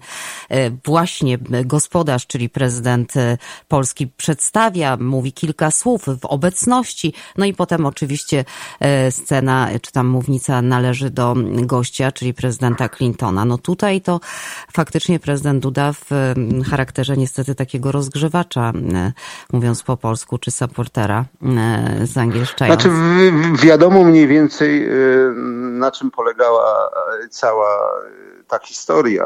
Y, y, najwyraźniej doradcy prezydenta Dudy po prostu chcieli, aby on jeszcze się pokazał w jakiś sposób właśnie przed publicznością, podkreślił swoją rolę, ale nie było to pomyśli e, organizatorów, czyli, czyli strony amerykańskiej, która e, nie chciała do tego przykładać ręki. Chciała, cofnęła się w takim publicznym pokazywaniu się właśnie obu prezydentów. I to jest y, bardzo y, znamienne. Oznacza to mianowicie, że strona amerykańska z bardzo z powagą, ogromną powagą traktuje możliwość zmiany y, w Polsce tej jesieni. No, rzucało się to w oczy, muszę przyznać również. Skoro pan to powiedział, to ja tylko przyznam, e, e, przyznam rację, ale tak wciąż myślę sobie nad tym, że ja rozumiem, że, że Amerykanie są dosyć asertywni przy organizacji tego typu historii i to oni chcą mm, wieść prym, ale od czego jest, e, panie ambasadorze, dyplomacja, prawda? Ale pamięta pan e, e, określenie takie nie, nie, niezbyt pozytywne dla dyplomatów, którzy nimi nie są. Dyplomatołki, pamiętamy wszyscy, prawda? I, y, Oczywiście. I wydaje profesor mi się, Bartoszewski. Profesor Bartoszewski i wydaje mi się, że już o tym nieraz wspominamy. rozmawialiśmy, że niestety ta, ta strona kuleje zarówno w polskim MSZ, jak i w kancelarii pana prezydenta, no bo o tym świadczy to, co się wydarzyło. No. Dodajmy do tego, jeżeli pani pozwoli, bardzo króciutko już, e, że strona amerykańska była bezwzględnie świadoma tego, że rząd, czy otoczenie rządowe, czy rządząca partia wykorzystuje wizytę prezydenta do celów wyborczych, do celów politycznych. Tradycją amerykańskiej polityki jest powstrzymywanie się od działań, nie w przededniu może, ale jednak w okresie kampanijnym w jakimkolwiek kraju. Tutaj sytuacja była o tyle trudna, że no, wojna w Ukrainie wymagała obecności prezydenta i przejazd przez Polskę wydało się czymś naturalnym prawdopodobnie najbezpieczniejszym. A więc nie można było tego uniknąć. Czyli mieliśmy do czynienia z, z dwoma elementami. Z jednej strony potrzeba takiej wizyty, potrzeba wynikająca z bieżącej sytuacji, i z drugiej strony powściągliwość strony amerykańskiej w kontaktach z władzą w Polsce do wymiaru, który był niezbędny, bo można powiedzieć tak, te kontakty pomiędzy prezydentem Bidenem a stroną rządową były minimalistyczne, czyli w takim tylko zakresie, jakim to było konieczne z punktu widzenia protokołu i zasad dyplomatycznych. Ani kroku dalej. No i tak chyba powinno być. I, I, Amerykanie są przywiązani do tego, jak pan powiedział, i, i niech tak trzymają. W Polsce rok wyborczy, w Stanach wybory nieco później, ale my będziemy się nieco wcześniej na pewno słyszeć. Pan wybiera się do Stanów i o tym następnym razem podczas naszego następnego spotkania. Dziękuję panu bardzo za rozmowę. Ja też dziękuję i wszystkich serdecznie pozdrawiam. Pozdrawiamy. Ryszard Sznep, były ambasador Rzeczpospolitej w Stanach Zjednoczonych, był naszym gościem. Do usłyszenia. Hmm. No. Hmm, nic dodać, nic ująć. Nic dodać, nic ująć, ale te protokoły, ta dyplomacja, tak, to jest tak, tak niesłychanie tak. ważna część w życiu politycznym krajów. No niestety w Polsce kuleje. No to, to nie jest, to, to nie stało się przypadkiem. Jak wiemy, Prawo i Sprawiedliwość czyściło wszelkie obszary, gdzie się dało i obsadzało swoimi ludźmi i zczyściło też siedzących czasami latami dyplomatów, czy to w MSZ, no bo to właściwe przecież miejsce dla nich, czy to w kancelarii prezydenta, bo i tam ten, ta część powinna być dobrze pracująca, dobrze funkcjonująca, jak taki naoliwiony zegarek szwajcarski. Niestety tak to nie wygląda. No i potem są takie wtopy, wpadki. Ja muszę ci powiedzieć, że byłam zadziwiona tym, jak zobaczyłam prezydenta Dudę. W ogóle, w ogóle nikt się nie spodziewał, że on w ogóle wystąpi, prawda? A potem patrzymy, Dokładnie. występuje, a gdzieś z Biden, a tu pokazują na drugim obrazku, że Biden wyjeżdża z Mariota. No w ogóle jakiś klikopro. Nie no, takie, takie zażenowanie tak, towarzyszyło tak, tej tak. sytuacji. Ja muszę powiedzieć, że e, pewne rzeczy są jeszcze tutaj takie ważne, na które należałoby zwrócić uwagę. To e, prezydent Duda, o ile ja dobrze pamiętam, był jednym z ostatnich przywódców, który pogratulował prezydentowi Bidenowi wyboru na prezydenta mm. Stanów Zjednoczonych. Więc takie rzeczy, o takich rzeczach się nie zapomina. Mm, no i myślę sobie, że e, to, co powiedział przed chwilą e, pan Sznep, no to jest święta prawda mm -hmm, po prostu. Mm -hmm. Tak już. Dobrze.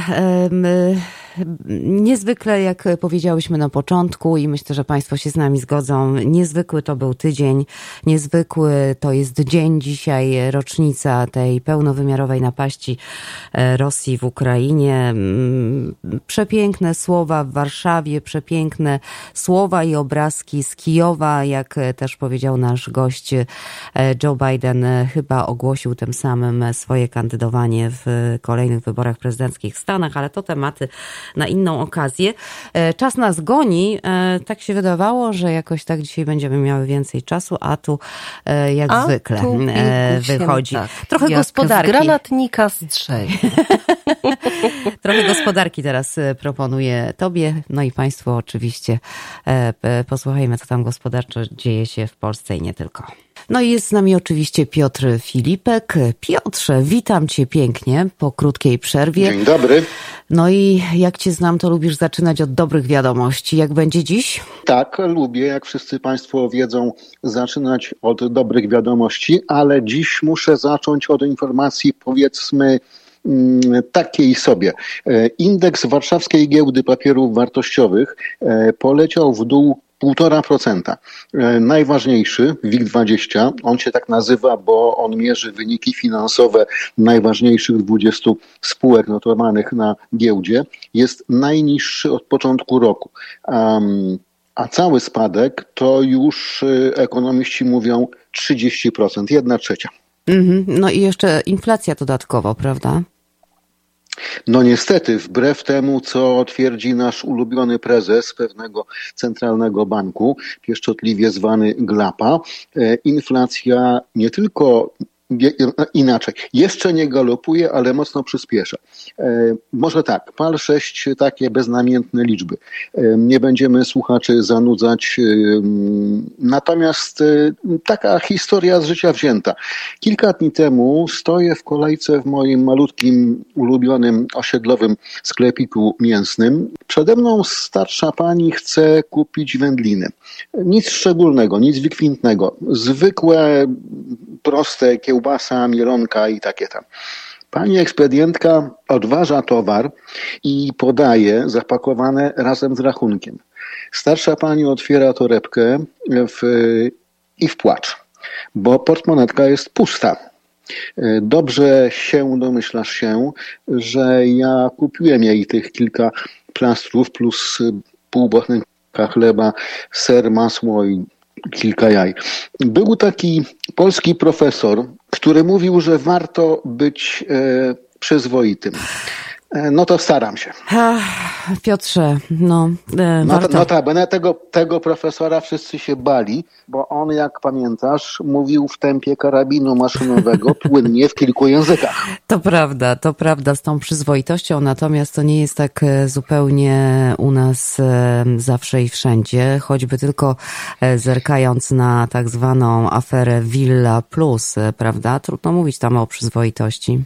Y, bardzo trudno. Dopowiedzmy słuchaczom, sprawa dotyczy konkursu zorganizowanego przez Ministerstwo Edukacji i Nauki, które podzieliło drobne 40 milionów złotych między 42 mm, organizacje. Kilka pań polityczek z opozycji, ale też dziennikarze telewizji TVN24 ujawnili, że wśród instytucji, które otrzymały pieniądze na zakup lub budowę nieruchomości, są przede wszystkim te związane z prawem i sprawiedliwością. Co więcej, i to jest bardzo ważne, połowa z tych instytucji dostała od ministerialnej komisji konkursowej negatywną opinię. E, wszyscy znamy markę kultowych samochodów BMW. E, to ja dopowiem, że ten trzyliterowy skrót zyskał nowe znaczenie ostatnio. Bierny, mierny, ale wierny.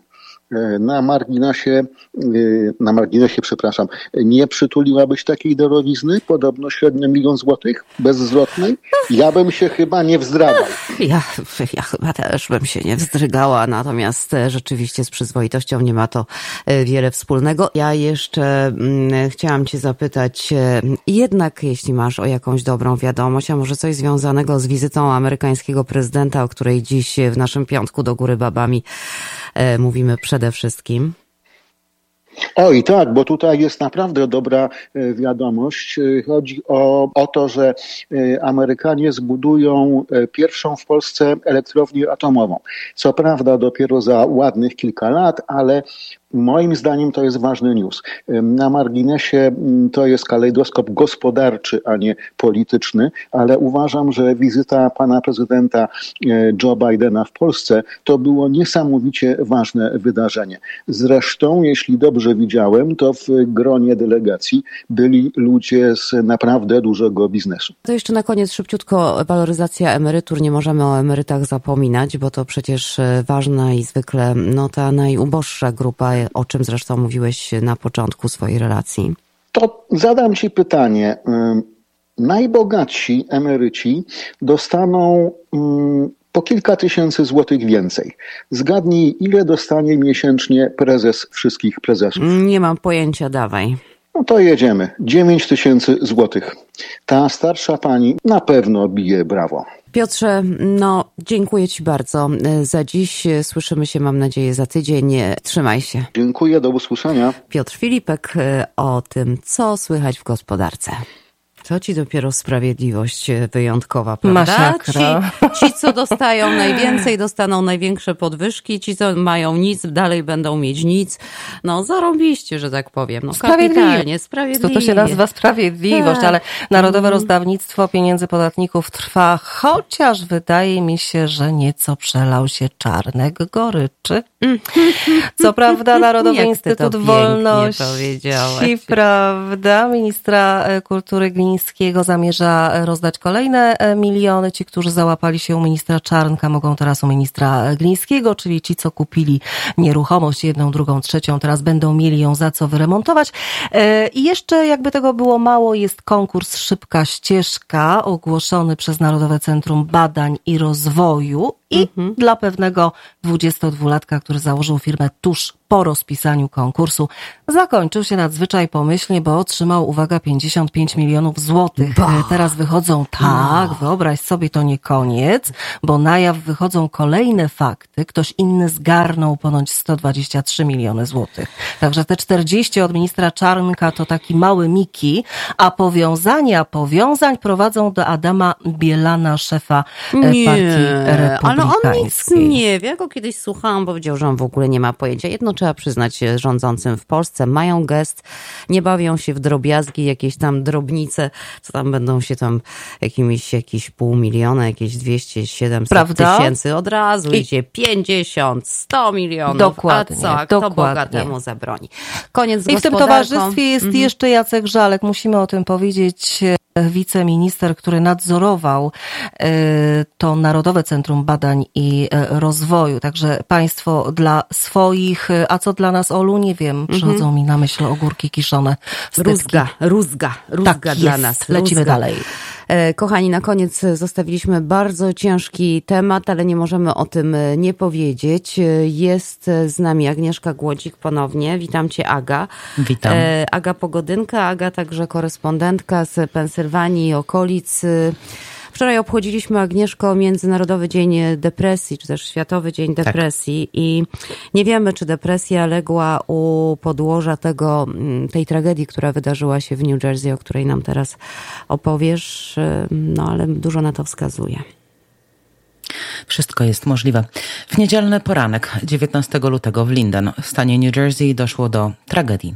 Nie żyje czteroosobowa rodzina, w tym dwójka dzieci. 41-letni mężczyzna zastrzelił najpierw swoją żonę Justynę oraz dwójkę ich dzieci. 13-letnią Natalię oraz 14-letniego Sebastiana. Po czym zadzwonił do członka swojej rodziny i wyznał, iż postrzelił żonę i dzieci. Chwilę po tym 41-letni Krzysztof popełnił samobójstwo. O 9.30 rano policja otrzymuje wezwanie, aby przeprowadzić kontrolę po tym, jak sąsiedzi zgłosili, iż słyszeli strzały. Gdy policjanci przybyli na miejsce zdarzenia przy 18 Chatham Place w Linden, New Jersey, znaleźli ciała Justyny, Natalii i Krzysztofa. Natomiast 13-letni Sebastian jeszcze żył. Wezwano karetkę chłopca w stanie krytycznym. Przewieziono do pobliskiego szpitala. Niestety lekarzom nie udało uratować się dziecka. Na tragedię zareagowali sąsiedzi, którzy określali rodzinę mianem normalnej. Natomiast wedle wstępnych doniesień jedna z sąsiadek prosząca o anonimowość poinformowała, iż policja wielokrotnie interweniowała na posesji 41-latka i tu cytuję, ponieważ sąsiad lubił sobie postrzelać z pistoletu na podwórku. Koniec cytatu. Wiadomo jest, iż mężczyzna posiadał pozwolenie na posiadanie broni palnej. Tragedia ta wstrząsnęła okoliczną Polonią i nie tylko. Posypały się wyrazy współczucia rodzinom zmarłych oraz kondolencje, ale też wiele osób zadaje sobie pytanie, Dlaczego? I po chwili rodzi się kolejne pytanie. Jak wyłapać sygnał, że w domu u sąsiada, przyjaciółki, kolegi, koleżanki dzieje się źle? Jak pomóc komuś, kto borykać się może z agresją, depresją, stresem, stanem lękowym, problemem małżeńskim? Ja powiem tak, reagujmy, pomagajmy, nie bądźmy obojętni. Okażmy empatię, prześlijmy sygnał, że to nie wstyd prosić o pomoc. Tej tragedii nie udało się zapobiec. Może uda się nam zapobiec kolejnej. Mm. Śledztwo prowadzone jest przez prokuraturę powiatu Union oraz Wydziału Zabójstw Policji w Linden w stanie New Jersey. Mm. Olu? Agnieszka będzie pilotowała tę sprawę, aczkolwiek to, co się stało, się już nie odstanie. Niech to będzie takie też przesłanie na ten weekend. Wtedy więcej czasu spędzamy w domu rozejrzyjmy się wśród naszych bliskich, znajomych, rodziny. Czasami po prostu nie zwracamy uwagi na takie różne sygnały. E, swoją drogą tematem depresji mm, musimy się zająć w najbliższym czasie. Myślę, że e, pora na spotkanie z Kasią Skupień, naszą psycholożką. E, porozmawiamy tak. o tym jakże powszechnym i jakże niestety wciąż niedostrzeganym pro, problemie, który często skutkuje takimi tragediami. Rozszerzone samobójstwo mówi się na takie coś, co wydarzyło się w New tak. Jersey. Mm, kilka istnień ludzkich zupełnie niepotrzebnie przestało istnieć smutne, przykre, ale, ale postarajmy się jak zwykle z takich wydarzeń wyciągnąć jakąś lekcję, może pomyśleć, może może gdzieś czemuś, jak powiedziałaś Agnieszko, uda się zapobiec. Bardzo Ci dziękuję za tą relację. No i dziękuję. całuję Cię weekendowo. Trzymaj się do usłyszenia dziękuję. za tydzień. Papa. Tak jest. E, do usłyszenia. Żena siedzi i milczy, no bo to co tu mówić? No, co, tu, co, co tu, tu mówić? Co tu powiedzieć? Wszystko już zostało powiedziane. Co tu powiedzieć? Kochani, ja tylko przypomnę e, gwoli e, porządku i ogłoszeń nieparafialnych, że ginekolog z jajem, czyli nasz tata ginekolog już za tydzień się u nas pojawia w kąciku medycznym Czekajcie, słuchajcie. Niewykluczone, że będzie mowa też o depresji poporodowej, bo o to prosiłyście, drogie słuchaczki i słuchacze. Będzie oczywiście potem za kolejny tydzień e, nasza szalona dentystka, która też będzie mówiła o sprawach e, poproszonych, zapowiedzianych. E, no i tym sposobem chcę powiedzieć, że możecie komentować, możecie też o jakieś tematy apelować. Bardzo chętnie nasi specjaliści będą podejmowali dyskusję. Ja też też bardzo chętnie zaproszę względem tego, czego Państwo oczekują. Gości do naszego programu. E, musimy trochę te baby podreperować, e, Marzeno. No i koniecznie, cóż. koniecznie. Ja już tutaj tworzę listę, także szybko. Tak jest. E, Marzena tworzy listę, ja tworzę swoją. Czekamy na Państwa za tydzień na YouTube, na Twitter, na Facebooku. To na żywca. Potem wszystko się znajduje na naszym Spotify, nasze Radio USA i wszystkich innych podcastowniach. No i oczywiście mm, nie mogłybyśmy zakończyć tego naszego piątku do góry babami bez tej baby ostatniej, czyli naszej Ewy Król, która e, tylko sobie znanymi sposobami wie, jak nas w ten weekendowy nastrój wprowadzić, jakie dobre słowo dać nam na ten weekend. E, Marzena, dziękuję Ci bardzo. Do usłyszenia. Aleksandro, dziękuję również. Do usłyszenia.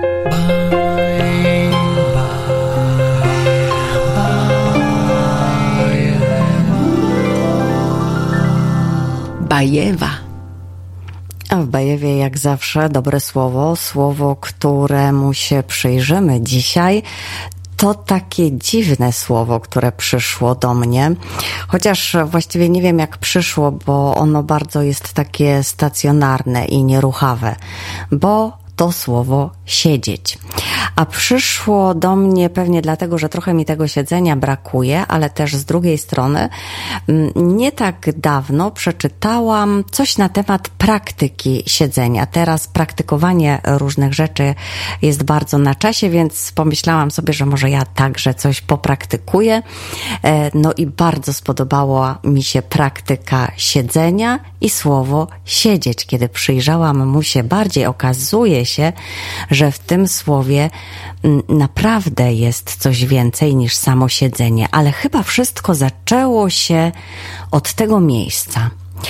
Był sobie gdzieś na końcu świata, może nawet w górach zaszytych i zapomnianych, klasztor. Jak to w klasztorze? Byli tam uczniowie i nauczyciele. Jedni przychodzili tam tylko na chwilę, inni zostawali całe życie. Młodzi, choć cenili swoich mistrzów, jak to młodzi, byli niecierpliwi, bardziej nowocześni i w siebie zapatrzeni. Lata były różne, obfite w plony i te suche, ubogie, a mnisi żyli przecież z tego, co mogli wyhodować w ogrodzie przyklasztornym. To lato było nadzwyczaj ubogie. I cały zakon stanął na równe nogi, żeby wymyślić taki rodzaj uprawy, który pomógłby im przetrwać. Tylko jeden mistrz siedział. Najpierw śmiali się z niego młodzi, potem patrzyli niechętnie z ukosa, bo gdy wszyscy biegali, nie dosypiali, mierzyli, sprawdzali, ścigali się w pomysłach, on siedział. Wreszcie przyszedł czas narady i przedstawiania rozwiązań.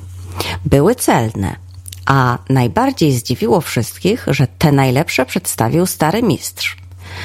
Podeszli do niego zdumieni i zapytali – jak to zrobiłeś? Jak do tego doszedłeś? Przecież my sprawdzaliśmy, doświadczaliśmy. Och, pozwoliłem myślom i doświadczeniom dziać się we mnie, odparł mistrz. Wiecie, się działem. A potem wstał i poszedł na spacer. I muszę Państwu powiedzieć, że coś jest w tym siedzeniu. Aha, a propos praktyki. Trzeba usiąść po każdej czynności, którą się wykonało. Posiedzieć, podumać, pomyśleć. Niech się dzieje. Niech się dzieje także w państwie, w państwa weekendowych e, domach, a jeśli będą Państwo chcieli sobie posiedzieć z muzyką, to ja jak zwykle mam propozycję na zakończenie naszego programu. Tym razem Nessie Gomez. Nessie Gomez wyruszyła już w trasę koncertową po Europie.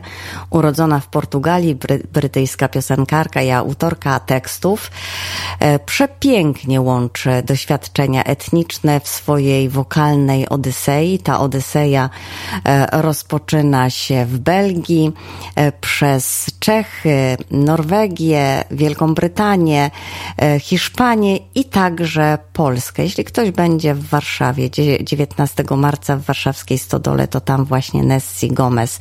Nessie Gomez wyśpiewała przecudnej urody utwór All Related i on doskonale nadaje się do siedzenia.